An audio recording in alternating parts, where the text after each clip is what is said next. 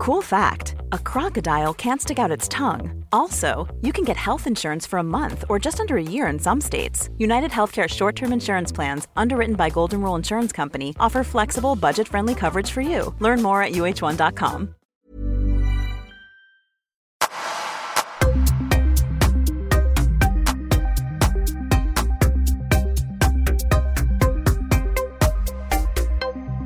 Viktor Linnér, välkommen till Öppet sinne. Tack så jättemycket.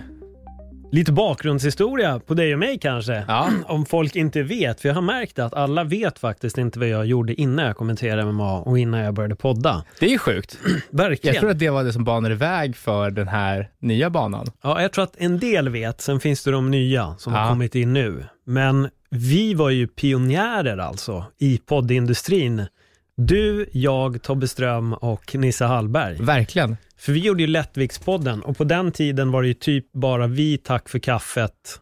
Jag kommer inte på någon annan. Filip och All- Fredrik var väl live också tror jag. var de? Ja, Jag tror det, för, för de har sagt att de kör sedan 2010.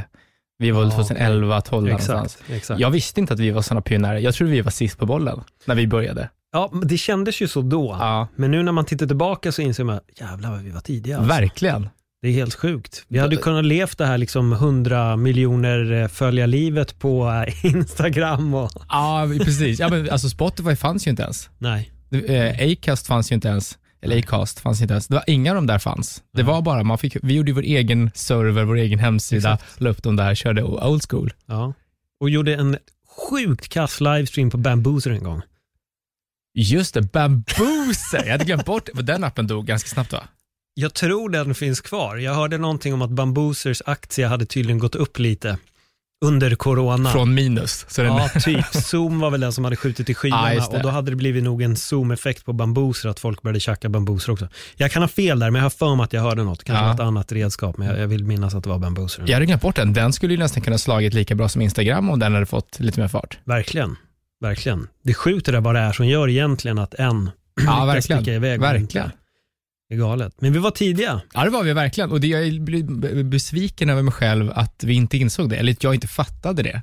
Jag trodde vi var sist på bollen, att det finns ingen chans för att tjäna pengar på det här. Det blir bara mer jobb och så vidare. Liksom.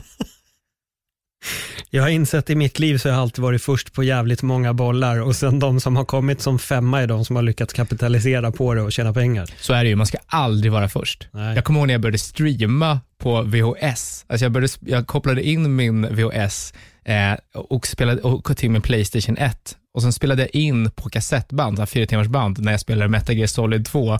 Ingen skulle självklart kolla på det, för det var ju bara Mm. ett kassettband. Men det var innan man kunde lägga upp saker på internet. kolla nu vad som händer med streaming. Fattar du schysst när du hade sålt de här VHS-erna Ja, till visst. folk? Kränkt för en hundring för att få se hur man klarar Metal Gear Solid. Ja, men, och då sa alla så här, varför gör du det här? Det finns ingen chans att någon vill kolla på någon som spelar tv-spel. Ja, du ser, du ser. Det är mycket som har vänt. Ja, verkligen. Det är jävligt mycket som har vänt. Men det är en sån, alltså jag tycker också, jag har tänkt väldigt mycket på det här. Vad hände egentligen med alla när vi liksom gick åt skilda håll? Ja, Eh, du började ju helt plötsligt producera massa radio. Och Hur, Mm. lång, hur lång tid efter att vi hade gjort Lättvikspodden började du med radio? det var ganska sent. Jag körde ju på, jag la ju i växeln på stand-up där. Eh, för då hade ju vi alla vanliga jobb tror jag, som Ja. vi gick till. Liksom. Och så körde man stand-up vid sidan. Och sen någonstans 2013-14 så blev jag så här, vet du vad, jag vill inte göra det här och jag kommer bara traggla på med de här jobben om jag, liksom, jag har heltidstjänst och jag, man har betalt min första betalda semester. Jag bara, nu är jag fast i det här, nu gör jag ju det här. Eh, Det, det är ingen idé, så jag sa upp mig och tänkte att ehm, jag går ner till eh, halvtid som max. Alltså jag jobbar kanske ja, men 50-60 procent och sen kör jag stand-up hela tiden och hoppas på det bästa. Eh, och hade tur. För det är sta- stand-upen var kanske inte det som, eller stand-up var väl det som fick mig på radion, men eh, jag fortsatte inte stenhårt med stand-upen, utan radion tog över och då körde jag på det direkt nästan. Va, vad jobbade du med? Eh, alltså jag hoppade med allting. Då satt jag som trafikledare på färdtjänst och körde någon form av radiogrej i, eh, i hörlurarna på bilarna. Ja. Du är bara 599, redo att ta körning från Huddinge till eh, Blekingegatan 12. Exakt. Härligt, Exakt tar vi den, skriver upp den för dig. Sitter man och skojar lite och drar lite skämt och sånt där, hoppas på Ja. det bästa. Liksom. Ja, lite halt där ute idag. Ja. På säkerhets, det är till att ha säkerhetsbältena på er. Precis. Fan nice. Men och jag tänker på det när du säger det där, det var inte direkt som att man tjänade pengar på stand-up. Det känns som att det har blivit ett litet skifte där nu. Mm. Att det börjar, eh, alltså nu börjar det öppna upp sig. Återigen, vi var för tidiga. Ja. Jag känner det igen, för jag har dragit den här storyn ganska många gånger i podden. Eh, du vet ju hur mycket jag anstränger mig för humorn Ja, ja, visst. och att jag lyfte inte många fingrar för att göra grejer inom MMA. Jag fick de jobben, Mm. men jag satt och deklarerade ett år, hade tjänat 60 lax på MMA, 2000 på stand-up. Ja, Och det var så här, okej vänta här nu. ja. Vad är det egentligen som händer? Men alltså nu upplever jag ändå att här, med tanke på Mafia Comedy, folk kan headlina där, de tjänar lite pengar. Mm. Jag får känslan att det är så lite på Big Ben också, eller har jag fel? Ja, jag tror att de är, de är nog fortfarande, jag, jag vågar inte säga för jag inte varit där på ett halvår sedan corona Nej. började, men jag misstänker att de har, jag fick, man fick med 500 spänn där för att komfa förut i alla fall. Ja. Så det var lite, lite pengar i fickan. Det är ändå något. Ja, Förut var det ju noll. Ja, ja, så visst. det, det är ju ändå, till slut blir det ju många bäckar små. Så Ja. jag har fått en känsla av att det är mer, det finns en större möjlighet att ändå det är någon form av ekonomi på det idag än förut. Ja, och det har ju öppnat med Patreon och Swish och alla sådana här tjänster har ju gjort så att folk kan börja sätta upp egna spelregler. Att man kan ta en sån, vet du vad, swisha 100 spänn och kom på det här. Mm. Och så hyr de en lokal. Det har ju blivit jättevanligt att komiker arrangerar sina egna kvällar bara.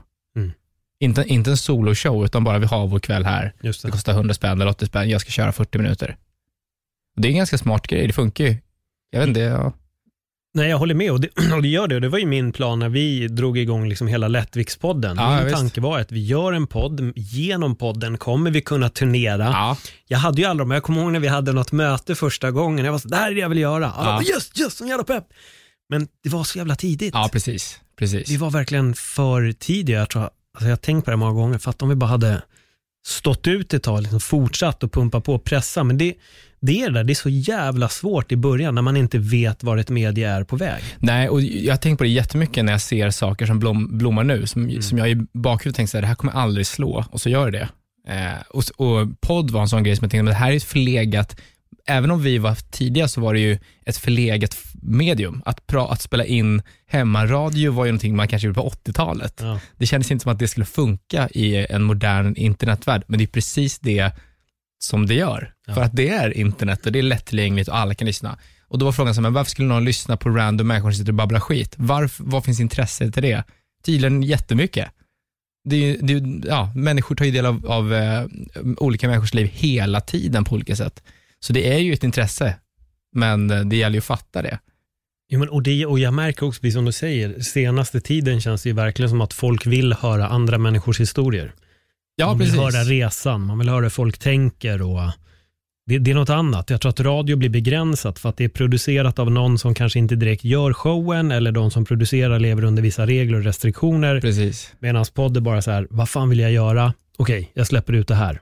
Ja, men verkligen. kommer fastna för det. Ja, för radio är ju, det känns som att det, det mediumet är jag chockad över att det finns kvar. Alltså att det finns, ungefär som eh, kanal-tv, att det finns en ta- tv-tablå, klockan åtta går det här, klockan eh, nio börjar det här. Att det finns liksom folk som följer regler på det sättet. Nu är det ju så här, jag vill kolla på den här serien nu, on demand. Jag vill inte vänta, jag vill inte sitta och kolla på klockan eller vänta, behöva spela in något, utan jag kollar på det när jag känner för det. Jag vill lyssna på det här nu. Och att då ha någonting som går på, eh, på ett schemabaserat eh, eh, tillstånd, säga, som också har musik Mm. och oprovocerat eh, kasta in musik. Att säga, men nu ska ni lyssna på den här låten, fast jag vill ju höra dig prata, ja fast lyssna på de här två låtarna först, så får vi se sen om det blir något mer. Att det, är liksom, det är ett väldigt konstigt forum att vara i. Hur funkar det för dig på radion? Vad, vad liksom för de som inte vet, majoriteten vet säkert, men, men vad exakt är det du gör? Eh, ja, nu så kör vi ju, nu har vi delat upp, P3 har ju bytt, eh, jag jobbar på P3, Sveriges Radio, eh, och de har bytt eh, inriktning till 2020 för de märkte att de tappar lyssnare. Alla i stort sett var på morgonpasset, vi var nio personer och sånt där. De ville dela upp eh, profilerna så att det skulle kännas som att det är ett, ett program, istället för att det är massa små öar med olika program, att man säger nu är det PP3, nu är det det här, nu är det tankesmedjan. Det ska vara små, ett vardagsrum där man bara byter människa som kommer in och ut. Någon kommer in, sätter sig i soffan, någon går ut. Det var, det var tanken och då skulle de dela upp oss på olika platser då, så att vi hördes runt hela dagen. Eh, jag kan inte säga att, det, att eh, det är en jättefungerande idé, men eh, ja, det funkar. Så nu sitter jag på helger, eh, lördagar och söndagar och sen så har de tagit bort alla sina dagprogram, utan nu är det bara musik egentligen och sen Mhm. någon som kommenterar musiken. Det är lite som reklamradio tyvärr. Eller Ja. tyvärr, men jag menar att de, med, när, av de jag pratar med på reklamradio så är det mer så här, varför tar de konceptet? Ni har ju statliga pengar, ni behöver inte göra som vi, utan gå er egen väg. Eh, och jag kan hålla med om det. Jag var ju med i ditt program också, kom jag på nu. Ni ringde ju mig efter McGregor och Khabib. Ja, just det. Du och Arantxa va? Just det. Det var en sommar va? Ja. Eh, de gjorde vi för Malmö, sommar, eh, sommarmorgonpasset. Eh, klockrent, älskade det. Det är också borta. Eh, det finns inget mer Malmö. Eller Malmö finns ju kvar såklart, men Malmö, Malmö är borta. Malmö rök där. Nej, men det, Morgonpasset Sommar görs nu från Stockholm och det är samma program egentligen. Ja. Eh, det var ju väldigt kul att göra, lekprogram. För det var väldigt mycket morgonprogram för dig va?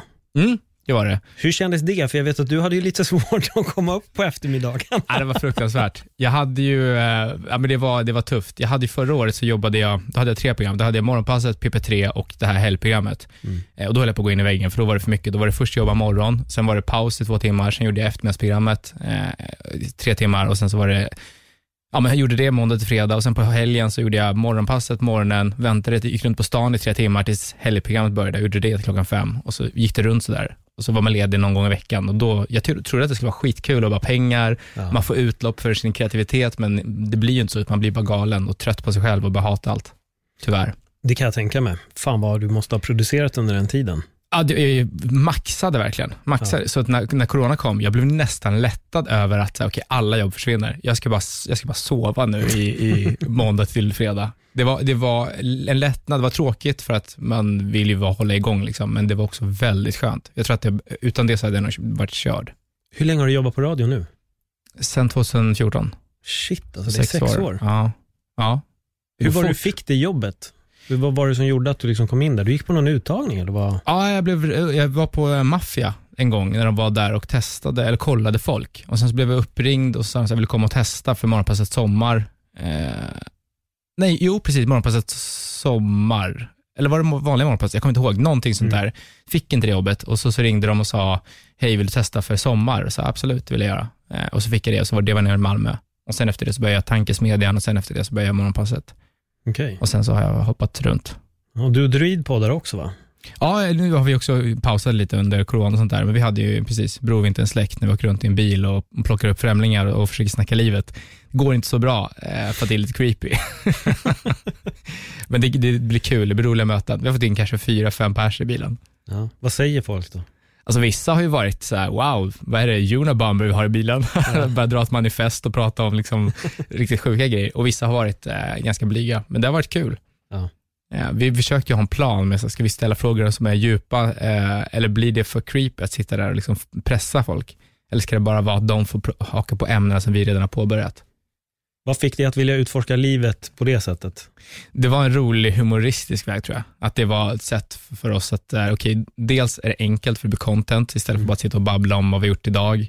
Eh, det kommer alltid hända någonting och sen de här roliga mötena med folk som inte vill hoppa in i bilen kontra de som vill in i bilen. Att det blir så här, wow, vad, vill du göra i den här bilen? Det här är jätteobehagligt att, att du vill hoppa in. Så att det var nog med det, att det var content. Var plockade ni upp folk? Var det liftare eller stannade ni vid, vid random eh, vägkant? Så här, Hej, vill du åka med oss? Alla metoder. Vi stannade vid busshållplatser, frågade om någon ville ha skjuts istället för att ta bussen. Vi stannade folk som gick på vägen. Den slutade vi med för den är creepy och vi, vi spelade ofta in på kvällen. Så att där, var, där blev det lite för obehagligt. Eh, men de mötena blev ganska roliga. Att David då bara precis stannar till, drar ner rutan, elhissen på min sida och så bara, fråga nu då, fråga nu då. Och då blir det lite så här, så vi slutade fråga tjejer till slut för att det var lite för eh, obehagligt. Och då blev det obehagligt i sin tur att de här snubbarna vi frågar kanske också är lite obehagliga mot oss. Så att, eh, ja, det var en hårfin gräns. Men ehm, stanna bara random, det är gärna, gärna där det är fler än en, så att de känner sig trygga. Vad är det konstigaste ni har råkat ut för? Eh, det var när vi försökte få in några spontant som var mycket, mycket, mycket yngre än vad vi trodde att de var. Eh, vi stannade, vi tänkte, men där är ett, tjejgäng på 25 år, och sen när vi stannade så bara, är 14, det här är jätteobehagligt.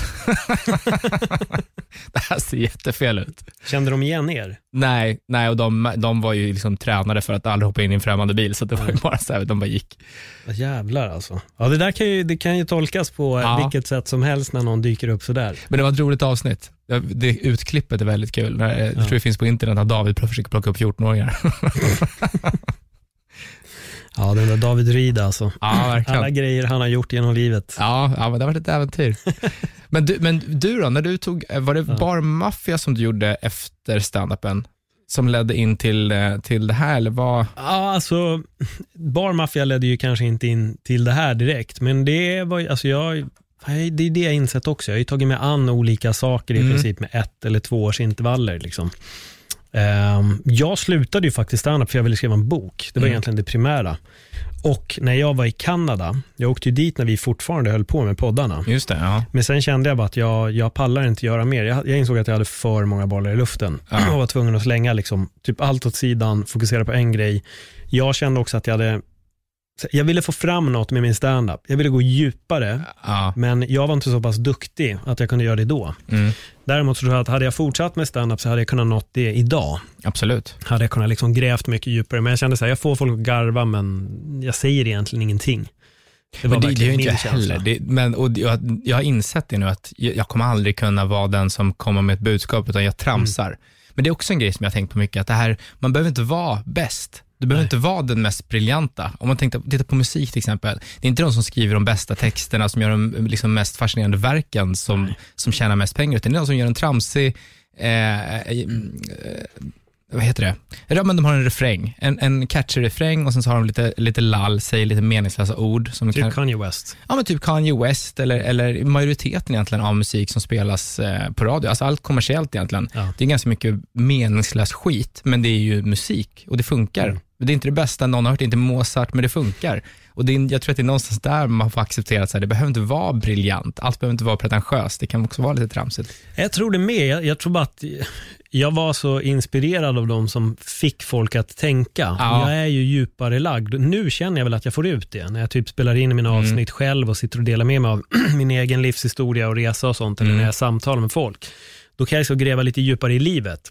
Och jag kan känna att idag kan jag få fram skämt om det. Mm. Men där då kände jag bara så här, fan, jag får ju egentligen inte någonting speciellt sagt. Och då, jag tror också lite att jag, jag hade en sån tydlig bild av vad jag ville. Mm. Så jag skulle uppnå det här och det här och det här. Jag hade en jävligt naiv tro om hur snabbt det skulle gå. Mm. Det var ju nummer ett. Jag var typ så här, ja men det gick så här bra för eh, Björn Gustafsson Ja, ja, precis. och jag kommer kunna göra samma resa. Sen var det så, okej fast det går liksom inte riktigt eh, att göra den. Han var ju ett unikum som dök upp, blev sjukt känd snabbt och sen försvann. Perfekt timing. Och det går Ja. inte att, jag, vi förstår exakt vad du menar med att man tittar på någon som bara, okej men det där var ett recept, då kör vi. Ja. Och sen så har man liksom, någon har fått en, en eh, meteorit i huvudet, det kommer inte hända Nej. alla.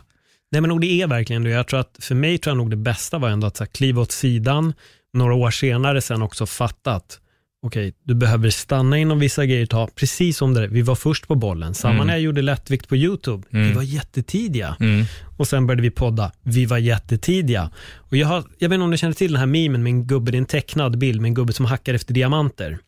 Så på ovansidan är det en snubbe som har så värsta drivet, går fram mot diamanter och den andra killen har lämnat när det är liksom en millimeter kvar till diamanterna. Han ger upp precis innan. Han går med hackan i ryggen. Och jag, kunde känna mig som han, att det så Mm. många gånger jag haft värsta drivet men sen gått. Och jag kan se så här, både lättvikt YouTube hade kunnat bli tv, det vi gjorde hade kunnat bli något.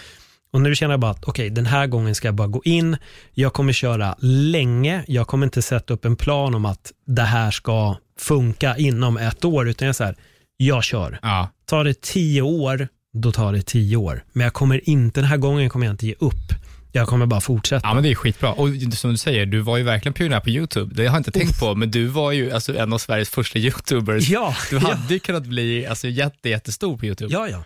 Ja, och du vet, jag har tänkt på det där så många gånger att så här, fan det är med så små marginaler. ja, ja visst. Vi, där var det också det att när vi höll på så var det så här, alla ville tjäna pengar. Mm. Det fanns inte en krona att tjäna på Nej, YouTube. absolut inte. Nej, det var inte ens reklam på tiden. Nej, och vi var ju tvungna då att tjäna det på något annat sätt. Och så blev det lite dispyter inom teamet och till slut bara, vi måste kliva åt sidan. Mm. Men jag menar, fan, när jag fick frågan om att starta YouTube-kanal så visste jag inte ens vad YouTube var. Nej, Så vi var jättelångt ja, nej, det är sjukt faktiskt. Ja, och, och jag har, när jag har tittat tillbaka så har jag bara, bara fuck alltså. Verkligen, först, först, först tidig på allt. Ja, Men nu är jag tillbaka inom poddandet igen och jag känner bara, nu, nu ska jag bara köra. ja. Det farliga är också, för det är ju det är ju farligt att vara först på någonting, men det är också farligt att vara sist in. Ja. För kommer man sist in, då är marknaden ganska mättad, man har inte så mycket att, att hämta längre, utan det är man får vaska guld väldigt eh, sakta. Och det där har jag tänkt lite på, jag, jag, jag ser nog lite det i poddvärlden också, att som med stand-up, Mm, det finns ju x antal komiker som har kört forever, mm. som egentligen är jävligt kassa. Ja, ja, visst. Men de är där för att de på något sätt var först. Mm. Medan nu de som kommer in och är lika bra som dem, Mm. de når inte fram. När de blir blockade menar du? Nej, men de når bara inte fram för att det är, mätt, det är mättat. Ja, just det. Just det ja. Så att du måste vara ännu bättre för Ja, att ta dig förbi. Och Jag tror att lite är det som händer i poddvärlden också. Alla hoppar in just nu Och det finns så mycket skit som ligger där, men jag tror till slut att det kommer ändå bli det, att de som är bra kommer att sticka ut och folk kommer att upptäcka dem. Så det är lite det jag går på, att jag är bäst. ja, men det får man göra. Det får man göra. Men jag tror att också nu under corona till exempel, nu är det inflation på all, alla medium. Det är inflation på YouTube, det är inflation på streams, det är inflation på, på poddar. Eh, Folk gör allting hemifrån som går att göra. Eh, Och då är det farligt med människor som kanske har en, en, en, bas av fans, om de kommer från ett annat forum på något sätt, eller ett annat medium, och tar, till exempel om du jobbar med TV och du är programledare, och så vet du att det blir inget jobb nu, för det blir inget mer ensam hemma eller något sånt där. Eh, ja, nå, nå, vad som helst. Och sen så sätter du och gör podd. Då kommer du ändå ta med dig ganska mycket människor och Exakt. stiga snabbt på grund av det. Så är det ju definitivt. Eh, sen om det håller eller inte, det vet man inte, för de behöver inte vara talanger på det, men jag tror att de ändå får en snabb skjuts på det och då kommer sponsorer hoppa in för att men här finns det ändå folk. Liksom. Så är det definitivt och jag har ju märkt att min, min egen podd växer väl liksom rätt organiskt. Jag går inte in och tittar lyssnarsiffror och sådana där grejer. Jag brukar be min producent ibland bara kolla, han producerar i och för sig min MMA-podd, men jag bara, kan du gå in och titta Ja. hur det ser ut så får han dra en bedömning på om jag har gått upp eller liksom står still eller vad som har hänt. Så jag, för jag fick ett råd ganska tidigt att så under första året titta inte på dina siffror för du kommer bara ge upp. Mm. Och jag anammade det väldigt mycket. Så jag har bara fortsatt att så här, jag tittar inte siffror, jag märker istället så här, hur mycket delningar jag får, jag får respons på x antal avsnitt. Jag försöker titta på det sättet istället. Ja. Sen tror jag väl att jag har, eller jag ve- vet att jag har en podd som sticker ut jämfört med de andra poddarna. Mm. Jag tror att den här går lite i en annan riktning. Som det, var därför jag frågade om livet. Ja. För det är lite det den här handlar om. Så Ja. Rota efter livet. Nej, men det är mycket mer intressant kanske än att bara sitta och prata om vad man har gjort i veckan. Som Exakt. det ofta brukar vara i poddar. Det kan vara det och jag tycker inte att det är något fel på det heller. Men jag tror att intervjupoddar när det bara blir så, då Mm. kan det nog bli lite, lite tråkigt. Ja, för någonstans där måste man väl bli ganska mätt på, eh, det måste vara en människa som man verkligen är intresserad av att höra i så fall. Och då kanske man måste vara ett långtidsfan för att Ja. vilja höra om, så här, men vad, har, vad har Alex Schulman gjort den här veckan? Och så får man liksom, ja, man, får- man, får, man får ha sitt intresse från början. Alex och Sigge, Ja, de är typ jättarna inom, eh, inom vad, vad ska man säga, manspodd kanske. Ja, men det är de ju, här absolut. Eller duo liksom, duopodd. jag har gett dem en chans, jag hade en session där i någonstans i januari att jag skulle testa Mm. poddar och lyssna på. Eh, och de, ja absolut, jag förstår ju varför folk lyssnar. Det är ingen snack om den saken. De, är ju, de har ju någonting. Ja. Så är det ju. De har kört länge också va? Ja, de är nog eh, också bland de första tror jag, Ja. som har byggt upp. Men hur har responsen varit för dig nu när du har kört mycket radio? För du har en jävla följarskara på Insta till exempel.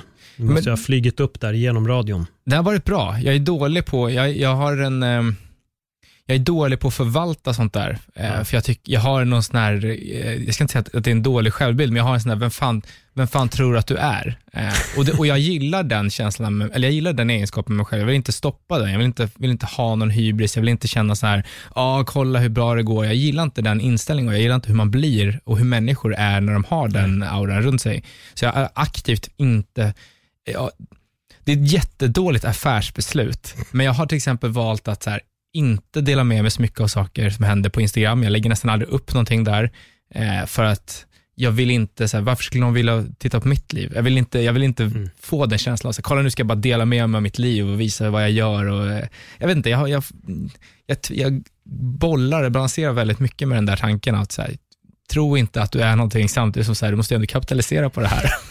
du måste ju någonstans se till att hålla det här igång. Eh, om man till exempel vill ta eh, stand-upen igen, Mm. då har man möjlighet att kunna få dit folk och så vidare. Men då vill jag inte göra det, utan då vill jag att de som är där ska ha varit där helt av sig själva, utan att jag har bett dem komma. Var Det- kommer den här tanken ifrån? Jag tror jag har sett för många som eh, har haft en otrolig, eh, jag ska inte säga självförtroende, utan snarare att de, är, eh, de lever i någon form av vilsen värld, där de tror att allt de gör är bäst och allt de gör är perfekt. Och därför, så här, till exempel när vi började med stand-up, det fanns ju några stycken som var svindåliga, men som var så här, kom och kolla på mig nu allihopa på, Ja. på Facebook och så vidare. Kom och kolla när jag kör ikväll. Och så, men du, du har ju inte kört stand-up mer än två månader, det här kommer ju, du kommer ju bomba ikväll. Varför vill du ha dit folk? Mm. Varför vill du att, liksom, ja, jag, jag kunde inte förstå den känslan och jag vill inte vara som dem. Jag vill inte vara någon som så här, drog, drog en massa trådar och förrän jag verkligen kunde leverera en produkt som jag var stolt över. Och jag tror jag aldrig kommer fram till att jag är stolt över någonting, så att det blir alltid så här, jag är inte klar än. Och det, jag, vet inte, det, jag, jag, jag jobbar med det här. Jag har blivit mer och mer medveten om att jag måste börja eh, dela med mig av saker på internet. om, ur ett eh, affärsperspektiv. Ja. Att jag måste på något vis göra det här. Jag har ju haft en bild av att det är coolt att inte dela med sig av vad man gör. Eh, att så här, fan det är coolt att vara på, vara på en efterfest med Håkan Hellström och inte ta en bild. Det är coolt. Och, jag, och det, jag kan inte släppa den tanken över, för många blir såna här, många blir skogstokiga och galna liksom, runt vissa saker och jag har försökt att det är coolt att inte bli det. Eh, och jag, den, den jobbar jag emot, för jag tycker att det är en, det är en eh, dålig egenskap som, som jag mår bra av, men som är dålig. Victor Linnér hyr teater för sin egen standup-show. Ingen visste att den var. Två pers dök upp. Precis, och då blir knäckt och, Ja. går, och går ner i en depression Ja. istället. Medan istället så här, en post på Insta, utsålt hela Sverige. Ja, men, det, men, det, men det är det här med att jag, jag har haft en bild av att jag tycker det är coolt, för vissa delar med sig av för mycket tycker jag. Ja. De delar med sig av sitt liv till höger, så här, men nu måste du hejda dig. Varför tror du att, vem tror du har det här intresset av dig? Och då blir jag så mätt på, på det där så jag inte vill göra det, ta del av det alls. Men jag måste, man måste göra det. Alltså jag förstår så ditt tänk på ett sätt, för, för jag vet att när jag väl började jobba, 2016 när jag väl började kommentera liksom UFC då, då. jag Mm. har kommenterat innan, men när UFC kom in här i, på Viaplay, då var jag verkligen i en fas i mitt liv där jag började känna, jag är så jävla trött på sociala medier. Mm. Jag vill bara bort därifrån, jag ville ta bort Facebook, jag ville ta bort Instagram. Ja. Samtidigt så började jag inse att fuck, jag måste utnyttja sociala medierna mer än vad jag någonsin har gjort. ja, precis. Så jag dras ju i det istället att så här, ibland kan jag pumpa ut skitmycket och ibland säkert för mycket och sen ibland bara, okay, jag pallar inte. Men jag får hela tiden jobba med det här att jag måste använda mediet. Ja. Jag har förstått så här, vikten av mediet, att jag måste få ut, så här, ska jag få min podd att växa, då är det viktigt att jag får min Instagram Absolut. att växa. Och så det, det är hela tiden en ständig kamp. Ja, jag visst, men jag googlade senast igår. Eh, eh, I, vad var det jag skrev? Jag lägger inte ut någonting på Instagram. Hur- ska, hur ska jag börja lägga ut, så, hur, ska, hur ska jag hitta liksom engagemanget i mig själv att vilja lägga ut saker på Insta- Instagram? Då fick jag bara feedback från massa Quora, vet du den Quora, men det är någon sån här, folk ställer frågor. Eh, jag skrev typ så här, I don't wanna post on Instagram, why? Eh, och, så få, och då, Aha, och då får man massa svar som människor har skrivit så här, men det är på grund av alla människor kräver inte den typen av uppmärksamhet, de får det inifrån och så vidare. Men jag vill inte ha det, jag vill ha pepp. Jag vill att någon skulle säga så här, eh, du måste göra det, det är business. Du måste ut där, för det är så här det ligger till. Eller, jag vill ha ett bättre svar än så här, bra, bra att du håller ifrån Instagram, för det mår du bättre av inombords. Det vill jag inte göra, utan jag vill tjäna pengar.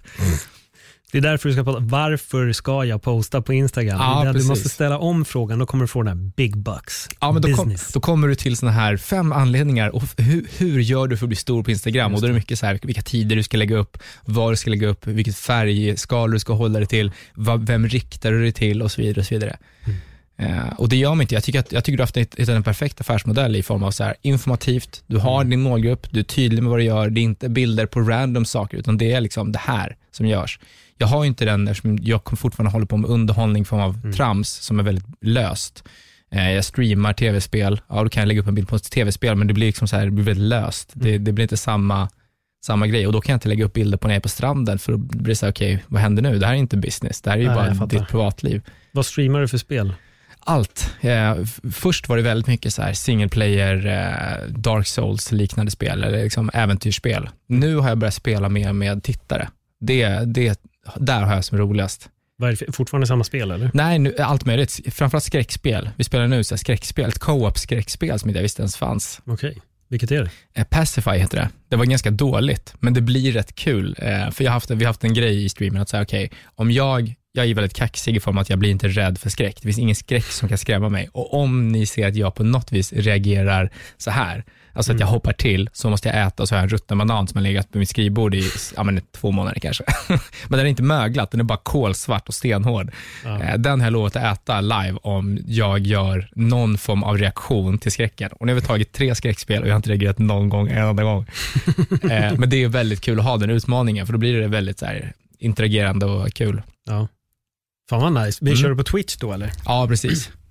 Eh, och det, var, jag, det började vi med under corona. Jag gjorde det alltså innan corona, men inte alls så intensivt som jag gjort det nu. Jag hade haft konto sen kanske sedan 2014 och sånt där, när Twitch kom, eller 15 och sånt där. Spelade lite, fattade inte grejen, hade inte kamera utan bara liksom körde. Eh, och nu har jag engagerat mig ganska mycket och kör kamera och, och green screen, hela kittet. Men det är bara gaming på Twitch va? Eller? Det har ju blivit eh, IRL också, så nu är det många som har anammat det här med att de bara sitter och snackar. Eh, och det har dragit in en, det låter så sexistiskt att säga, men det har dragit in en ny målgrupp av kanske folk som annars skulle valt en cam, cam service i form av, Okej. av så här, men lättklätt, utmanande sexuellt och få eh, människor att donera pengar. Så den, den marknaden har blivit ganska stor också. Så de, de två grejerna finns på Twitch. Så det är mycket tv-spel, men det är också mycket sitta bara och prata. Ja. Fan, du ser de där åren med VOS och Metal Gear Solid Ja, ja, 2, visst. det betalar sig nu. Ja, ja visst. Det, det funkar. Ja, men det är svinkul. Det är just det här, man, om vi pratar om så här, att träffa de som man kanske har eh, lärt känna via radion och så vidare. Ja. Det här är ett perfekt medium där båda kan, där man, det behöver inte vara stand-up, det behöver inte vara underhållning, utan, eller det ska vara underhållning, men det är mer att man pratar med varandra. Det blir som ett bra samtal i, och så är spelet som en sidogrej. Liksom. Just det. Men det är klockrent. Fan, alltså jag har så dålig koll på Twitch alltså. Ja, Jag vet ju att gamers är där, liksom, så mycket vet jag, men jag, jag har verkligen annars har dålig koll på det. Ja. Jag får typ gå in och kolla någon sån där stream någon gång och se. Ja, men gör det. Det, det finns ju alla möjliga. Även YouTube har börjat. Jag har sett många komiker som har börjat köra YouTube också nu, eh, i form av stream. Ja, okej. live-streama, fast de sitter mest också bara pratar och kanske Ja. ja. frågor, frågor och svar-varianten. Ja, det där har ju blivit skitstort alltså. Ja, ja, visst. Det är helt galet. Jag tänker lite på stand-up. Hur, Mm. hur, eh, du sa att du kanske vill börja köra lite igen. Hur mycket kör du annars? Jag, alltså, jag kört kanske 12 gånger per år. Oj. Något sånt där. Alltså väldigt sparsamt. Ja. Eh, och då inte alls med tanken på att det här ska bli nästa grej, jag ska hålla igång det här. Jag, jag har haft i huvudet, jag vill hålla igång det. Men eh, jag har varit så, dels jobbade jag för mycket förra året, jag hade liksom inget kvar att ge. Jag hade ingen uh, vilja att göra någon underhålld på något vis, utan jag var liksom kvävd av min egen röst och idé. Så då, då hade det inte funkat. Men året innan det så hade jag hela tiden så här, jag vill göra det, men det har gått så lång tid så att jag är rädd. Och, jag, och jag, då kommer jag köra gammalt material och då kommer jag inte förnyas och sen så var jag i den, i den loopen av att jag gjorde det var fjärde månad, var rädd på nytt, körde gammalt, kände inte att jag hade levlat. Det gick bra, men jag, men jag kände inte att jag sa okej, men nu vågar jag göra det här igen. Utan nästa gång jag kör så kommer jag köra gammalt igen och så kommer jag köra gammalt igen för att ja, självförtroendet måste förstärkas snarare än att jag kan gå upp och bara börja från, från noll. Och det är det man måste inse, att du måste börja från noll. Du måste kunna ta några bombningar här och där, testa nytt material. Först, alltså, ja, jag vet inte, jag, jag, insatsen var så hög hade jag i huvudet att här, de kommer att skratta åt mig, så kommer de säga så här, ja jag såg Victor live, han var skitdålig, han är värdelös, eh, han är bara rolig i radio, bla, bla, bla. man får sådana spö, hjärnspöken. Så det blev aldrig av. Fan, du låter ju som Per-Robin Gustafsson. Går upp och bara kör gammalt. Ja, men det, och jag vill ju inte vara den personen, jag vill ju inte vara, men någonstans så här, det, jag tror att det är bra att göra det en gång, när, Ja. när man ska börja om på nytt. Jag tror att det är dumt att kanske gå upp och hoppas på det Så bästa. det. Men samtidigt så måste man göra det så intensivt först i början, så att man kommer över den här rädslan och känner sig modig igen och liksom vågar prova. För det är ju en färskvara. Man, är ju, man, är ju, man tappar ju det om man är borta i två månader. Absolut, men när du håller lite distans ifrån stand-upen, för det kunde jag nästan uppleva själv, så här, året efter att jag hade lagt av, Mm. så blev jag otroligt bra på att analysera komiker. Jag Absolut. kunde verkligen se vad som funkade. Jag började Mm. se stand-up, det var som att man blev en student utav det istället och kunde se allt ur Mm. ett helt annat perspektiv. Hitta bättre övergångar, Mm. punchlines för folk och det var, så här, det var så mycket som började poppa upp. Hur har Ja. du känt? Alltså jag har inte varit i svängen så mycket. Jag har inte hållit mig nära Nej. Alltså jag har inte gått så mycket på klubbarna och sånt där. Jag var nere någon gång på någon vinter och kollade lite sådär. Men dels blev jag bara sugen på att köra är där. Men eh, tar mig aldrig modet att göra det. Men också att jag känner att, så här, fan, jag, för jag jämför ju mig alltid med människor. Och det är också en, en dålig egenskap som jag inte alls är nöjd med. Men att jag jämför mig med någon och tänker så här, men fan, jag, det där kan jag göra. Det där kan jag göra. Eh, och så håller jag på sådär. Varför får den så mycket? Varför gick det där bra? Det där, ska, det där var inte kul. Varför gick det där? Alltså, och så håller jag på sådär. Eh, eller om jag ser någon som det går bra för, som jag inte tycker är rolig. Och så säger men hur fan, hur fan kan du ha en karriär? Cool fact a crocodile can't stick out its tongue. Also, you can get health insurance for a month or just under a year in some states. United Healthcare short term insurance plans, underwritten by Golden Rule Insurance Company, offer flexible, budget friendly coverage for you. Learn more at uh1.com. Quality sleep is essential for boosting energy, recovery, and well being. So, take your sleep to the next level with Sleep Number. With a Sleep Number smart bed, you can individualize your comfort level and enjoy a better sleep night after night. JD Power ranks Sleep Number number one in customer satisfaction with mattresses purchased in store. And now the Queen Sleep Number C4 smart bed is only $1,599, a saving of $300, only for a limited time. For JD Power 2023 award information, visit jdpower.com/awards. Only at Sleep Number stores or sleepnumber.com. Och så, vet, så får jag gå in och bara, men vem fan tror du att du är Viktor? Sluta döm människor. Gå din egen väg. Och så hamnar jag i sådana där loops. Så det blir som med fotot på Håkan Hellström. Du bara, jag är på klubben, jag kör inte, det är coolt.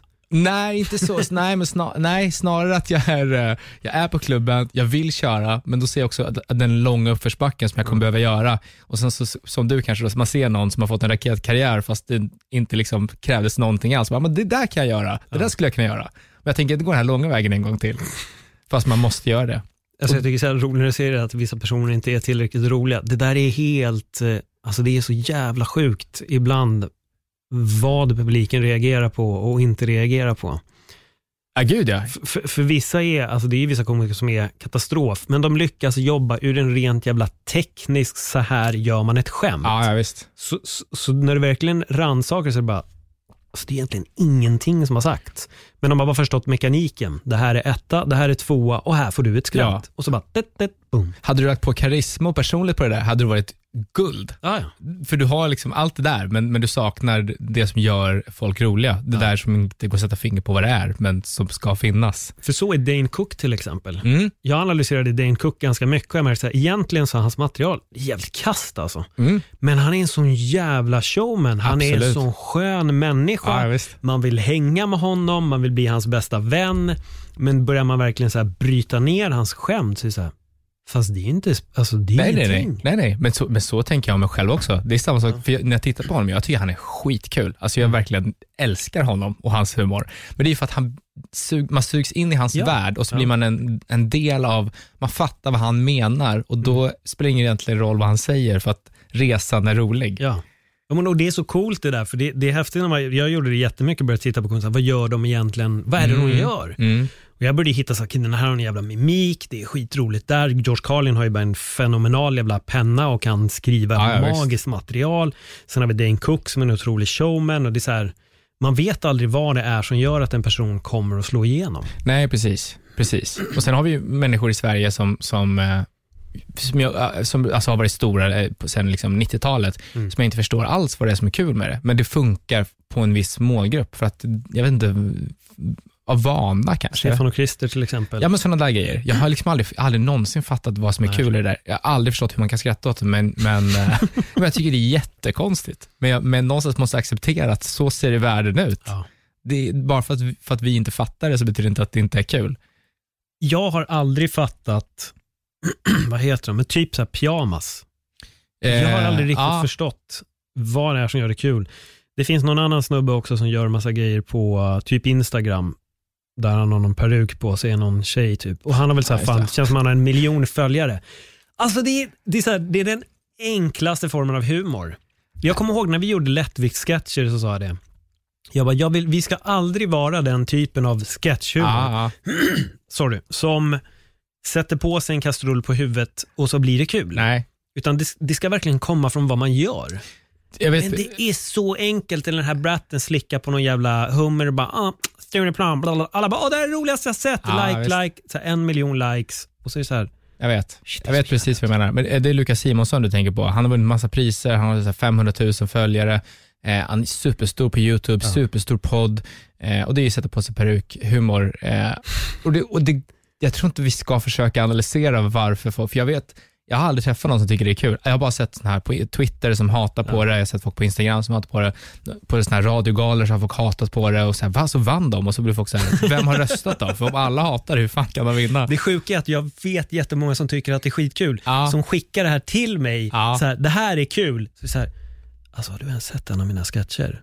Har du hört mig dra standup Ja, någon gång? Du borde förstå att så här, ja, nej. Men det är så här, samtidigt, hatten av boys, alltså ni har fan lyckats. 100 procent. Och det, det, det är oss det är fel på, för det är vi som sitter och jämför humor med humor. Nu gör vi det här, vi, man ska aldrig jämföra sig med andra, utan man, det här tycker de är kul, de gör det och det funkar uppenbarligen, så det finns andra som tycker det är kul. Då, vilka är vi då att sitta och kritisera det? Det funkar, det beviset finns att det funkar. Ja, nej, så är det ju. Och det är det som är så fascinerande och det gör bara att man vill analysera det ännu mer. Man vill Ja, kliva ja. in där och titta, dissekera så här. Men egentligen det man ska göra, det är ju inte att dissekera deras skämt, det är att dissekera människors hjärna som tycker att det är kul. Exakt. För jag undrar om de själva sitter och tycker, fan vad det här är kul, eller om de känner, shit vad folk är blåsta. För här gör vi den här simpla humorn och alla bara älskar det. Jag hoppas att de gör det genuint, men, jag, men eh, cynismen i mig sitter och tänker så här, kolla vad vi lurar de här idioterna. men det, om vi kollar på eh, Twitch till exempel, eh, när jag streamar så är jag så okej, okay, fan, nu ska man, jag, jag har lagt pengar på kamera, på, på mikrofon, på green screen, på dator, på utrustning och man kämpar och sen börjar så här, hur ska jag locka in eh, folk för att titta på det här? Ja, men jag, vänt, jag vågar inte göra reklam för dem förrän jag känner att det är perfekt, för jag vill inte att de ska gå in och titta och säga, nej det var dåligt, jag vill inte kolla, utan jag vill verkligen att det ska vara perfekt. Och det har jag gjort nu i kanske ett halvår, jag har fortfarande inte vågat dela med mig av länkar och sånt där, utan jag håller för mig själv och vi som är i, i streamen, har, det är bra om vi är där, men jag vågar liksom inte hävda mig för mycket, för jag tycker inte att det är tillräckligt bra än. Sen finns det de som eh, random tjejer, 22 år gamla, sätter på mobilen, har de här gratishörlurarna som medföljer, kopplar in dem, sätter sig på en badstrand, 7000 följare direkt, Ja. tjänar 100 000 i veckan. Och, och man bara, men du har inte strugglat med teknik, du har inte strugglat med innehåll, du gör ingenting. Du badar om du får tillräckligt mycket donationer. That's it. Och, och Det här sitter jag och jämför mig med, vilket är idiotiskt, för det går inte. Det är två, men då tänker jag också så här, vilka är de här 7000? Är de idioter som sitter och tittar på det här, eller är hon briljant som förstår att det finns sådana här idioter? Det är ju en kombo. Ja. Det är ju svaret, det är en kombination. Jag tror det är mycket snubbar där ute som är helt brända som är så "Åh, om hon skulle bada, gud vad kul, det här kan jag lägga 100 spänn på. Ja, visst. Och ja, alltså jag, jag vet inte, jag kanske hade gått den vägen också om det hade varit Jag hade sjukt 100% gått den vägen. 100%. Paul och Viktors nya bad, Twitch. Donera tillräckligt mycket och de tar ett Ja. dopp Ja, i ja. Speedos. Nej, men jag har till och med funderat på, ska man, ska man börja streama på Pornhub eller ska man liksom hitta någon sån här cam-service där man spelar tv-spel för att vända på balansen? Just det. Nej men det är en helt sjuk, alltså det har ju blivit en jävligt skev värld och det, jag tror det är det där också ibland. Jag vet inte, jag, jag tänkte lite på det här med vad gäller typ, ja men som filmer tar vi till exempel. Mm. De djupa, så här, bra filmerna slår inte alltid igenom. Ibland gör de det, man kanske ser filmen Mm. en gång. Har du sett filmen The Room? Ja. Med alltså Tommy Wiseau, den här riktigt, eh, Ja, ja, visst. ja. Eller ja, du menar or- original The Room? Ja, ja, ja. ja, ja inte. The Room hon som är instängd Nej, i ett rum, utan The Room med, med Tommy Wiseau. Det är så jävla bra, för jag tycker Seth Rogen sa en så jävla bra grej. Han bara, jag har sett den tio gånger, eller Ja. om det var mer till och med. Och då säger han, men däremot kanske jag har sett sjukt bra filmer som är bra på riktigt, typ The Revenant. Men Ja. jag kommer aldrig se om den. Ja. Men The Room, jag kan se den idag och jag kan se den imorgon igen. Mm. För att den är så jävla dålig att den bara blir helt magisk och man hittar nya grejer i den. Och jag tror det är ibland, jag tror det är ibland det simplaste av det simpla. Vi lockas till det på något sätt. Jag tror att mästerverk ibland, det blir djupt, man ser det en gång och sen släpper man det. Precis. Och, Men det enkla är bara så här, Ja men verkligen, man, alltså, man fastnar i att saker ska vara perfekta och det ska vara, det ska vara perfektion. För att det är så man, det är egentligen, jag tror att vi kommer från en era när allt skulle vara perfekt. När det skulle vara kvalitet, det skulle vara HD, det ska inte vara någon jävla VHS-kvalitet, utan det ska vara perfekt, det ska vara snygga vinklar, det ska vara stativ, allt ska vara liksom, och sen kommer de här nya och bara kör med handkamera, lägger upp det utan ens klippare, slår guld. Det, det, jag tror att man måste sluta tänka jag måste sluta tänka perfektion hela tiden. Att allt ska vara perfekt och allt ska vara briljant, för det är pretentiöst funkar inte längre. nej jag tror inte det heller. Så alla de här 15 kamerorna du har köpt hem, du får kasta Precis. 14. Ja, ja, men någonstans tror jag ändå på eh, en visuell fröjd. Jag tror ändå Ja. på att, eh, eh, att kvalitet eh, behagligt för ögat. Jag tror att om man kommer in en stream som har liksom dålig kamera, det är suddigt och blurrigt. Det finns ju de som, som tjänar hur mycket pengar som helst som det går skitbra för. De har världens sämsta utrustning, men de har också ett innehåll där de är till exempel perfe- de är bäst på det här spelet. Det finns ingen annan som, då spelar det ingen roll vad de har för teknik för, för att man kollar för att de är bäst. Men jag är medioker på allt jag gör i form av innehåll och tv-spel och då blir det att, ja men då, får, då måste kvaliteten åtminstone vara behaglig för ögat. Jag kan liksom inte briljera i att jag är bäst i det här tv-spelet eller att jag kommer att sitta och vara rolig hela tiden, utan det kommer att vara en ganska mellanmjölkstream. Victor Linnér, jag är sämst, men min produktion, den, Precis. håll koll på Precis. bildproducenten som byter vinklar här. ja, visst. Ja, men någonstans måste man acceptera att, okej, men vad är innehållet då? Vad kommer du erbjuda? Kommer du erbjuda perfekt spel? Nej, det kommer jag inte. Eh, det kommer vara interaktion, det kommer vara liksom underhållning i form av så här, vi gör det här tillsammans. Mm. Det är inte en show, utan det är en, eh, ja, Det är så jävla bra. Bara Lukas Simonsson är kass för han går runt i en peruk. Men Victor Linnér han käkar en gammal banan. Men det, är ju, det har vi gjort, det är på att vi, som ett skämt som började med att hon, när, hon badade för pengar, Ja. så jag säger jag kan inte bada för pengar, vad ska jag göra? Så här, men du får äta den här bananen på- du har på skrivbordet. Ja, Okej, ja, men du får äta den här bananen då om, eh, om jag når upp till den här summan. Just det. Så att det blir en sån där, Men hur många följare har du på Twitch? Eller hur många tittar när du väl går på? Snittar kanske 70 som tittar när man går på. Eh, gör man reklam så kanske man är uppe i 200. Om man gör en sån här, hej jag är live nu, kom och kolla. Mm. Eh, jag gör aldrig hej, kom och kolla för att jag tycker att det är, eh, varför, varför skulle jag göra det? Eh, det okej. ja, men jag, jag jobbar på mig själv, jag kommer börja göra det. Jag, jag, jag samlar mod till att ha mage att göra reklam för någon sån skitprodukt. Mm. Eh, jag har höga tankar om mig själv. Alltså jag börjar garva, det här kommer ju bli förmodligen så helt oförståeligt för kanske till och med dig och alla som lyssnar, men jag är på en server och spelar Go, Mm. som heter OGS. Mm. Och så på Facebook är jag med på en sida som bara handlar om Go. Och helt plötsligt dyker upp en snubbe där. Hans absolut första inlägg på den här sidan är, tjena grabbar, jag har eh, slutat gå på OGS, det är för mycket reklam där. Jag säger bara, vad är det för reklam han pratar om? Då kan det ibland dyka upp, alltså en liten, liten flik, det är bara som en text så här. Ja. Nu kan du se den här personen som spelar mot den här. Ja. Det lackade han på Oj. och la ner. Ja. Det var inte ens en banner, ingenting. Och så till slut är det någon som skriver bara, okej dude, no one asked.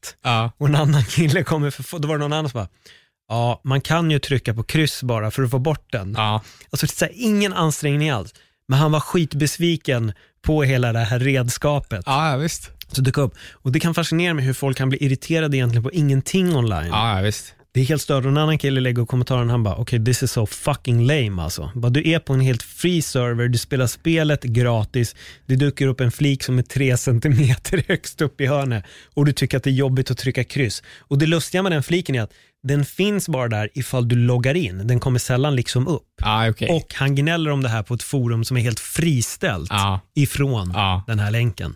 Men det är helt galet. Ja, men, det, ja, men så är det ju. Vissa människor har ju verkligen den, eh, den det får inte vara fel. Och jag, vet inte, jag, tror, jag kan ha haft många vänner som kanske har haft en sån här, som, tryck, som trycker ner den. Eh, Inte, inte av, alltså kanske av kärlek, men också så här, varför skulle någon kolla på det där? Varför skulle någon sitta och kolla på, som när jag gjorde mina VHS till exempel. Då var jag, inte, jag var inte gammal, kanske var 14, men det är ändå så här, varför skulle någon kolla på det där? Och det är så här, nej du har ju rätt, varför skulle någon kolla på det där? Och så har man kvar det i bakhuvudet, varför ska jag, varför ska jag? Nej men inte ska väl jag.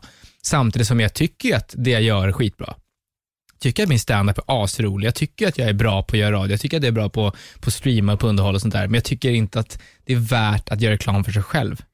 För, förstår du vad jag, Jag kommer förstår ifrån? hur du tänker. Jag tycker samtidigt att det är jättesnurrigt. Alltså, du är ju bra på stand-up. Annars hade jag inte, jag samlade ihop dig, Viktor och Tobbe, dig, Nisse och Tobbe menar jag, för att jag tyckte att alla var sjukt roliga. Mm. Det var ju min tanke, liksom. det här är tre pers som jag kan verkligen jag vill jobba mer. Jag, Ja. vill, jag, jag ville skapa något tillsammans för jag tyckte att alla vi var bra. Det sa jag ju också, att jag bara, fan ni är här för jag tycker ni är grymma. Ja. Eh, Ja, ja, visst. Så fan, det är klart du är duktig, men, men det låter ju också som att du har det här VHS-bandet, det ligger kvar Ja, i men det huvudet gör det. Det gör det hela tiden. Och, och samtidigt när jag ser andra människor som, hela, som inte har några som helst spärrar med att göra reklam för sig själva, så blir jag, det hämmar mig ganska mycket när jag ser andra som så här, inte ens har en färdig produkt, men redan nu vill de ha, eh, göra reklam för det. Men den är inte, det är inte ens optimerat än. Ska du inte vänta lite med att göra reklam? Men så här, nej, nej. Och jag tror att de vinner i, i längden. Jag tror Ja. att de har, det är så man ska göra. Jo, men jag tror det med. Alltså, jag har ju fattat själv, man måste ut med allt. Jag är mer i den här kampen att jag måste pumpa ut allting ännu mer. Ja. Jag måste bli ännu bättre på att få ut info om min podd. Jag måste pusha för den stenhårt. Jag märker till exempel när jag började printscreena folk som hyllar min podd via typ så DMs, så har jag direkt fått mer lyssning av. Absolut. att lägga upp dem. Jag lägger upp dem anonymt. Men så fort jag får så liksom lägger jag ändå upp det och då blir, det har väckt intresse på min podd. Absolut. Och jag har märkt att det har lyft lite siffermässigt också, att jag har fått en ny följarskara. Ja. Men, men jag tror att egentligen vi behöver bara våga pumpa ut vår, vår info ännu mer. Ja, men jag tar, jag tar för sig lite, men det, Ja. jag, jag, tror att, jag tror att man i bakhuvudet tänker så här, världen är mätt. Och, och att vara den där sista som lägger på droppen så att det börjar rinna över, eh, det vill man inte vara. Man vill liksom inte spä på elden så att det börjar brinna överallt. Man vill bara vara den som ligger på en vedkloss och sen så, det, så har inte någonting hänt, det blir varmare, alla blir glada. Man vill inte sätta eld på stugan. Och jag tror jag känner så varje gång jag skulle göra reklam, så här, "Ah, nu kommer han här och bara häller bensin över hela skiten. Ja, men det är så här, att kolla vilken hybris han har, nu tror han att han är någonting. Nej, men det tror jag inte jag tror. Alltså folk följer det av en anledning. Ja, men det, ja jag vet. Men det, Det gör de ju. Ja, men det, jag har ändå det i bakhuvudet lite så här, skärp dig nu för fan. Fan, hur mycket fick du höra det där som barn? Kommer inte att tro att du är något. Ja, men ganska mycket tror jag. Jag tror att, man, att det var en sån här eh, sta, en stark grej. Jag var ju ganska hävdande, eller jag var ju liksom ganska eh, öppen och glad och eh, frikostig. Så det tror jag absolut. Det tror jag man fick höra av lärare och det, så här, andras föräldrar och sånt där. Men nu får ni lugna ner er. Det är bara du som hörs, prata inte. Du vet. Eh, Ja. Jag tror att man, man kvävdes lite och sen så har det liksom satt sig i bakhuvudet ganska grovt. Det gör ju det. Alltså alla sådana där grejer gör ju verkligen Ja, ja, absolut. Även om jag inombords tycker att det är, många saker jag gör är briljanta. Alltså så här, men till exempel på stand-up, men så här, ja, men fan, ikväll så var verkligen en sån här wow-kväll. Jag verkligen var supernöjd. Jag skulle ändå inte lägga upp en, eh, ett snippet från den kvällen för att säga, varför skulle jag göra det? Vem tror du att du är? Varför skulle jag lägga upp det här klippet för? De som var där har ju redan sett dig. Det väl bara att skryta om det för resten av världen också. Vad fan, skärp till dig. Och så, det är sådana tankar. Och det, jag jobbar med dem, men jag tycker att det är, någonstans så är de också ett bra ankare. Alltså även om det är dumt affärsmässigt, det vet jag ju om, men jag tycker att det är skönare att vara humble än att vara, eh, låta det ta över och säga, det är klart alla ska se på det här. Du är bäst ju, det är klart visa, visa världen nu. Jag vet inte, det, Fast du det, kan ju fortfarande vara ödmjuk och delar också. jag, det är det jag inte kan se, hur jag kan vara. Hur jag kan dela en, eh, en länk när jag kör stand-up och ändå hålla mig ödmjuk. Varför inte det? För jag delar ju den för att jag vill att folk ska se den, för att jag själv tycker att det är så jävla bra. Jag tycker det, det, det blir en osmaklig, jag vet inte, det, jag förstår ju hur det här låter och jag förstår ju hur det är, men jag tycker att det blir osmakligt. Jag vet inte. I så fall om någon annan skulle dela det, jag var på den här kvällen och såg, han, eh, såg den här killen, det här var roligt. Det skulle jag uppskatta. Men att jag själv delar det, det känns så otroligt eh, magstarkt. Jag var ju och såg Tenant igår, Christopher Nolans Oh, senaste film. på den. Det är som att Christopher Nolan skulle regissera filmen, sen bara, den behöver inte ha premiär någonstans. Ni som var med under inspelningen, Ah, ni vet. Ja, jo, Men, men ni andra, nej. Det, Vi, vi har gjort den och nu har vi bränt alla band. så det finns Ah, inte jo, jag, jag hör vad du säger. Det, men någonstans så testar inte han sig fram. Han vet ju vad han har. Och han har team som sagt det här är bra, det här är bra. Men om man bara har sig själv och utgår ifrån så är det så här, men det här är inte, du kan göra bättre, du kan göra lite bättre. Men så, den där kampen har vi ju hela tiden. Ja, jo. Det är ju som de säger, inget verk är någonsin klart. Nej, men så är Utan det ju. Vi kan fortsätta att jobba på det hela tiden, fila lite till, fila lite till och fila lite till. Men Ja. till slut har man ju filat sönder allting också. Hur var Tenet då? Jag gillar den. Ja. Jag gillar den. Jag har läst lite delade recensioner. Ehm, Jag vill se om den. Känn- Men så känner jag typ alltid med hans filmer, att fan, jag måste se den här en gång till. ja.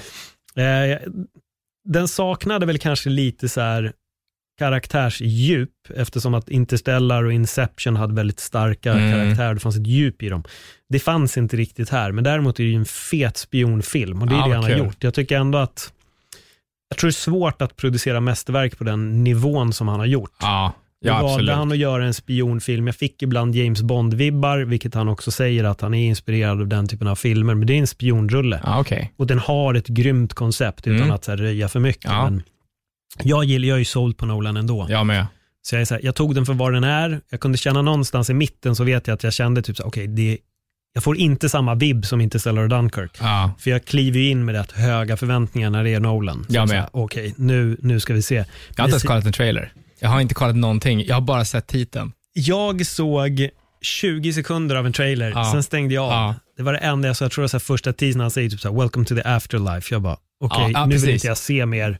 Där låter jag det bara vara. Exakt. Men, eh, nej men se den. Gå och se den. Men på bio eller? Går- Grejen är att den hade smygpremiär igår. Men fin- är bio öppet ens? Ja, ja. Jaha. Ja, ja jag drog till Heron. Det var typ jag och kanske nio pers till på hela bion. Ja, visst, för jag har ju, jag har ju levt Robinson Crusoe-liv nu sen i Ja. februari, så jag har ju inte haft en aning om vad som är öppet och inte. Jag trodde bio var spikat Nej, stängt. de öppnade det för, kan det ha varit någon månad, en månad sedan typ. Okej. Men det är begränsat antal platser per bio. Ja, just det. Det måste vara skönt. Ja, nej, det var jätteskönt. Som sagt, alltså, jag tror att vi var tio pers på Ja. bion. Och det är en premiär. Ja, ja. ja. Smygpremiär Wow. till och med. Det är sjukt. Så jag gick bara in rent slumpmässigt när jag var på gymmet. Så här, gå och se den på onsdag för det Mm. var officiella premiären. Sen bara, gå idag. Jag bara, fan, så klickade jag in på bion. Jag bara, alltså, det är ju typ ingen som har beställt biljett. Nej. Så jag drog hem, duschade, käkade och sen stack jag bara dit direkt. Jag åkte själv. Fan vad kul, jag ska gå bio själv. Ja, nej, jag, var så, jag, jag hörde av mig till en polare och frågade om han kunde, men han kunde inte, han skulle se någon fotboll. Jag bara, fuck it, jag, jag drar in själv. Men det Ja. känns som att majoriteten som hade gått, jag tror det var två stycken som kom i sällskap, resten var typ ensamma. Ja. Alla gick själva. Ja, men det, det är klockrent. Jag, jag ska Ja. absolut se den, för jag har varit sugen på den här. Och jag upptäckte en ny grej på bio. Jag visste inte att man kunde fälla upp armstöden. Jag visste inte heller. Nej, så jag fällde upp mitt armstöd så jag kunde sitta liksom i så här skräddarställning, för jag hade ju massa platser för mig själv. Men det här är modernare, för det finns ju de här gamla klassiska trä och tyg. Nej, de går inte. Jag där var på Heron. Så jag var typ så här, fan, jag borde kanske fälla upp fler och bara lägga mig framåtstupa sidoläge. Ja, just det. Så där ja, just det. Ja. Ja. Nej, det var, den var grym. Se Ja, den. ja, ska Gå och jag den. definitivt göra. Ska inte röja mer. Nej, men det är bra. Det är bra för jag, jag, jag- just när det kommer till Nolan, jag, jag, han har mig, du behöver bara släppa en film så kommer Ja. jag kolla på den. Ja, Utan men problem. nästa film däremot han producerar, ska han göra, men den kommer aldrig släppas. Eller han kommer inte berätta för en. Nej, han kommer stanna med han bara, who do I think I am? Ja, precis. är det, är den finns, ni får hitta den själva. Nej, men jag, jag, som sagt, jag googlar eh, dagligen, inte dagligen, det låter helt psy- psykopatiskt, men då och då så googlar jag, så här, okej, men ta tag i dig själv nu.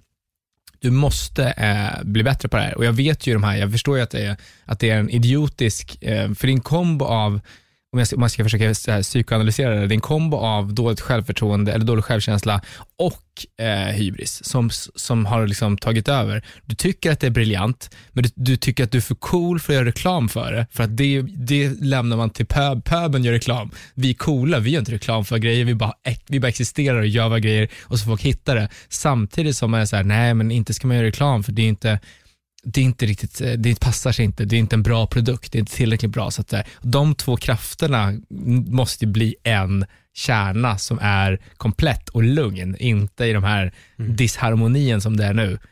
Eh, De måste liksom balanseras ut. Så jag måste bli bättre på att göra reklam och inte skämmas för det.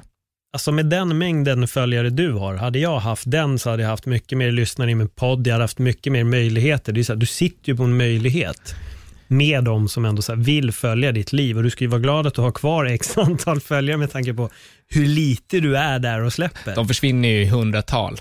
De gör det? Nej, gud ja. Alltså bara nu under, under eh, våren så har jag säkert förlorat 500 Ja. 500 stycken. Men det är, ju- jag, jag, jag vågar liksom inte dra in dem i mina projekt för det känns så jävla så här, jag vet inte, det känns så, som, att jag, som att jag utnyttjar dem. jag vet inte. Men jag, jag, jag, alltså, jag, jag försöker läsa böcker, jag försöker hitta en bok som kan liksom ge mig den mentala... Mastery of Self, där har du den. Don Miguel Ruiz Jr., den behöver du läsa. Han, Den, han tar den. den går, nej, inte så, men den går in på mycket av det. Jag har precis läst den. Ja. Den går in på de här sanningarna som vi har blivit liksom intalade Ja. och intalar oss själva. Och du, du, du har just det med det här, vem, vem tror du att du är? Eller vem Ja. vill kolla på det egentligen? De har fastnat. Och det har blivit din sanning och du behöver frigöra dig från det. ja. Du måste bli mästare över dig själv.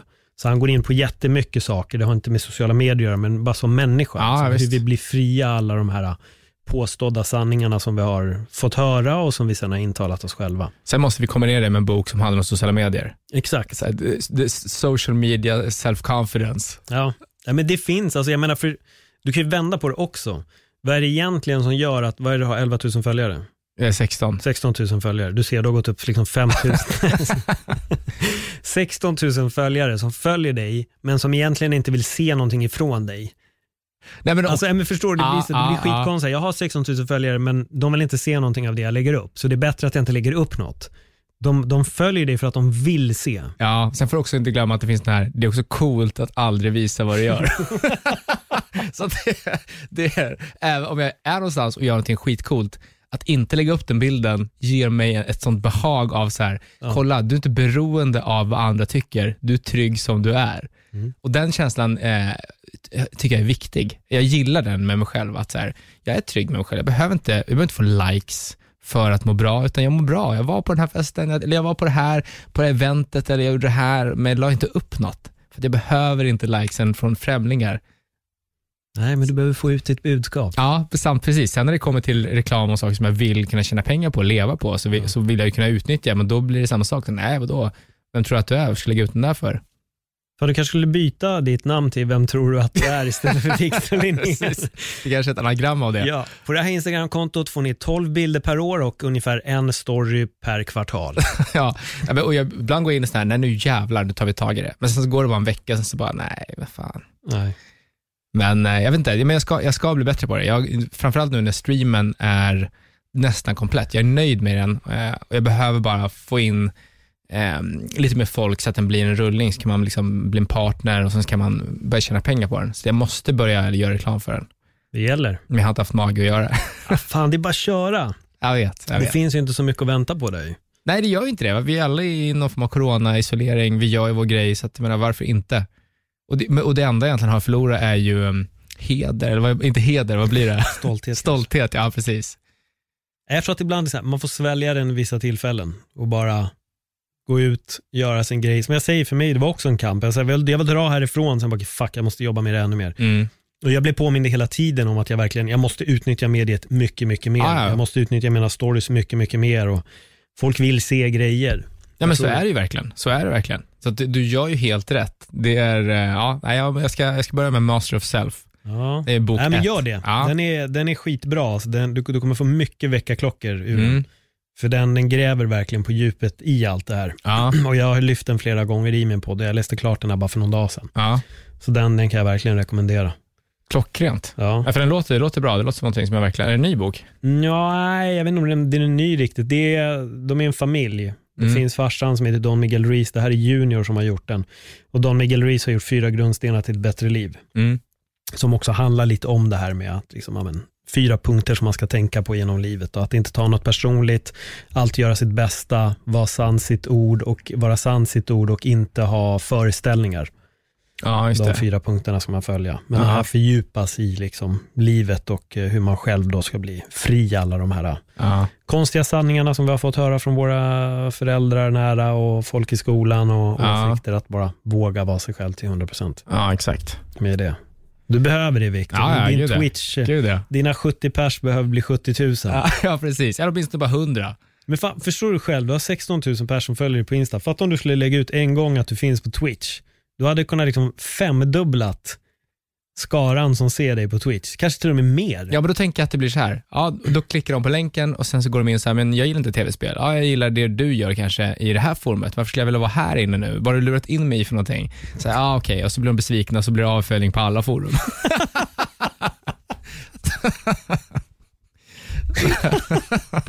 Men det, det är ju så. Alltså, menar, om, jag följer, om jag gillar eh, Louis CK och han är så här, ja, men vet du vad? Köp min kokbok. Det är så här, vad fan, jag vill inte laga mat. Va, va, jag gillar dig som humorist. Men samtidigt så skulle jag ju förmodligen uppskatta hans kokbok för att det är ju han. Så han kanske har skrivit något kul i den som jag vill läsa. Och, ja. Så att ja, ja. Så, allt leder bara till någonting negativt. Nej, och så följer de mig och så tycker de ändå inte om tv-spel och så följer de här och så följer de där och så vill de inte se med. Och så istället för att ha 70 följare har jag helt plötsligt 68. Ja, ja. Nej, men också det här att jag menar, vissa människor, eh, som om man ska länka, för det, jag kommer börja länka på, på Instagram över så här, men ni måste ju ändå komma och kolla så här, men här, jag gör det här ikväll, kom in. Det är ändå bara, en, vad det handlar om är att man uppmärksammar folk, som man Ja. annars kanske skulle tycka det var kul, men- och de som inte tycker det är kul behöver inte klicka på den, så enkelt är det ju. Men samtidigt så är jag också rädd att det blir den här, okej, för det, det blir så här, det blir en stark ökning när man gör reklam. Då ser man att ja, men nu är vi 200 pers. Dels blir det mer press på en själv, att det ska vara roligt för de nya som har kommit in. För de där 70 är ändå återkommande, vi har trevligt tillsammans, vi är en solid bas. Liksom. De här nya eh, 130 som dyker in, de förväntar sig, förväntar sig någonting. Eh, och, då kanske, och då kanske inte händer och då kommer inte de komma tillbaka nästa gång och då får man en ökning som inte är på riktigt. Förstår du vad jag menar? Det är en falsk ökning. Alltså jag älskar analysen. Jag har ju suttit live jättemycket på Facebook inför galer. Ja. Så jag är det på Viaplay Fightings Facebook-sida. Där märker man att det varierar ju. Alltså är det en match kommer det in sjukt mycket folk, men det finns ändå en så stabil bas liksom, Ja, på folk. Men för mig blir det bara roligare desto mer folk där. Det är ju min känsla. Ja. Att när det kommer in över 100 pers, oh shit, det är mycket folk, då, då höjs min prestation. Men så kunde jag känna också när jag giggade, att när det var mer folk så gick jag igång på det mer. Ja, i stand-up vill jag ha mer folk. Där, Ja. där går jag igång på det. Men i, när det kommer till streamen, eftersom jag tror att folk förväntar sig en viss form av humor, antingen kanske de följer den för stand-upen eller så följer de för radion. Det är inget av de två, utan det är en helt egen genre av, av eh, umgänge. Ja. Och då tror jag att de blir, jag har den bilden av att de blir besvikna. Jag kan verkligen se hur det sitter där, 200 nya kommer in, en av dem bara, nej det var inte riktigt det här jag gillade med Viktor ner. Men det, så, det, det, det, det, är en som- det var en som gick in och skrev så. Är det så? Ja, han gick in och skrev så här, här du är ju svinrolig i radio, varför är du inte lika rolig här? och han, och det, var så, det var så jävla knäckande, för det var så alla var så här, hörru vad säger du för någonting, var inte otrevlig och så vidare. Men det biter ändå, för det blir så här, wow, du har rätt. Men samtidigt så här, det, är inte, det här är inte något av det, det här är inte stand-up, det här är inte radio, det här är en helt egen grej, vi spelar tv-spel och umgås. Så att du kan inte förvänta dig samma form av underhållning, men samtidigt så har man den pressen på sig att det ska ändå vara samma nivå. Ja. Så det, ja. Jag tycker bara du ska skriva till honom, fuck off motherfucker, och sen är det klart. Ja men det gjorde vi i stort sett. Men, eh, och han, han kom ju tillbaka då och då och är så här, jag är tillbaka och då, så här, han har blivit ett stående skämt på, på Ja, okej, en ganska kärleksfull nivå ändå. Ja. Men eh, det var så paff att han skrev så bara så här, ja, men det här, är- du är jätterolig här, varför är du inte rolig här? Så, nej, men det är inte samma sak. Vad ska jag göra? Nej, men det är ju inte det. fan, Det tror jag ändå majoriteten kommer fatta. Någon Ja. kommer kliva in och sen kommer ändå den här riktiga solida basen, de kommer ju stanna. Ja, exakt. Han började snacka skit om David Ryd också, då fick han smaka på, på chattens vrede. Jävla folk gillar Reed va? Ja, absolut. Herregud. David Reed-fans tittar på uh, Victor Linné när han kör Twitch. Ja. Ja, exakt. shit vad sjukt alltså.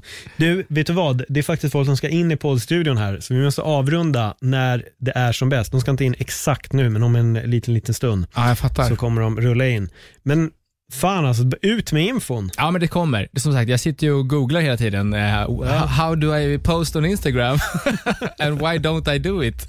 Så det kommer komma. Jag ska bara hitta den här självhjälpsboken. Och skriv till Victor Linnér på, på Instagram att han måste börja pumpa ut lite mer, eh, Ja, eller, lite mer hi- post. eller hitta mig på Twitch av er själva. Ja, det kan, ja, här får du ju värsta pluggen till din Ja, Twitch. exakt. Hur hittar man det? Vad heter du? Eh, Jag heter Sickvik, S-I-Q-V-I-Q. Mm. Eh, och där, där sitter vi och spelar interaktivt med varandra. Det är myspys, verkligen. Ja, men myspys. Jag är helt chockad att du gick ut med namnet. Vem fan tror du att du är jag vet, jag vet. Det där var hybris och jag ber om ursäkt för det. Nej, men jag, ska, jag ska börja utnyttja so- sociala medier mer. Ja. Eh, Twitter som jag egentligen avskyr kommer jag ju ge mig in i igen. Jag avskyr verkligen Twitter. Nej, typ aldrig inne på Twitter. Nej, men det, stämningen där är så fruktansvärd. Ja. För Den mig är typ är, såhär, var, var, femtonde eller var tjugonde podd kommer jag ihåg att lägga upp på Twitter. ja, ja, ja, visst. Annars är det såhär, nej fan, orkar inte Twitter. Alltså, jag lägger upp på alla andra ställen typ, men, men Twitter har jag. Tyvärr tror jag att det fortfarande är en jättebra bas att Det lägga är på. det. Det är det. Det är bara att jag klarar inte av klimatet där. Det är Nej. för, eh, jag vet inte, det är för obehagligt. Ja. Det är, det är som att vara inne på familjeliv och Flashback i, en, i symbiosen. De har, liksom- det är familjeliv och Flashbacks barn Ja. som, har, som löper amok. Nej, det är helt skevt. Vi har för, för många medier. Ja, det har vi. Det har vi verkligen. Kör du TikTok? Nej, för fan. Nej. Det är någon måtta för det vara. Ja. Du, är- du är rädd att Kina ska få koll på din information? nej, inte, ah, jag skulle, det skulle kunna vara jag faktiskt. Jag, jag har ju den eh, tendensen. Ja. Eh, Att säga, nej men jag vill inte acceptera det här eller så vidare. Eller, men eh, nej, det är bara mer att säga, det känns som att det är pedo hänger där. Om- man är över 15. Jag har för dålig koll på TikTok alltså. Jätte, jätte dålig koll. Du, Victor Linnér. Vi, eh, innan vi drog igång podden här så sa jag det att vi ska försöka styra upp en reunion, eller jag ska försöka styra Ja. upp en reunion på hela lättvikt. Och det är alltså du, jag, Tobbe Ström och Nissa Hallberg. Så ska vi se om vi kan göra en liten lättvikts-reunion. Jag tror att det är två lyssnare av den här podden som kommer tänka, oh shit, lättviktspodden, cool. Ja. Resten har förmodligen ingen aning. Nej men, Men, lätt, eh, ja det vore skitkul. Vi, vi ordnar det. Det vore fantastiskt. Och tack så jättemycket för att- du vill komma. Ja, men fan tack för att du ville komma. Ja men supertrevligt. Grymt. Där hör ni. Pe peppa nu Viktor att han ska börja utnyttja sina sociala medier lite mer. Men han kan ju ta det lite lugnt med, med Twitter i alla fall. Ja, Ja. exakt. Om ni gillar podden, dela den på era sociala medier. Ja, du ser. Lämna jättegärna en recension och glöm inte att prenumerera. Säger vi tack för den här gången. Viktor, supertack. Tack. Hej då. Hej.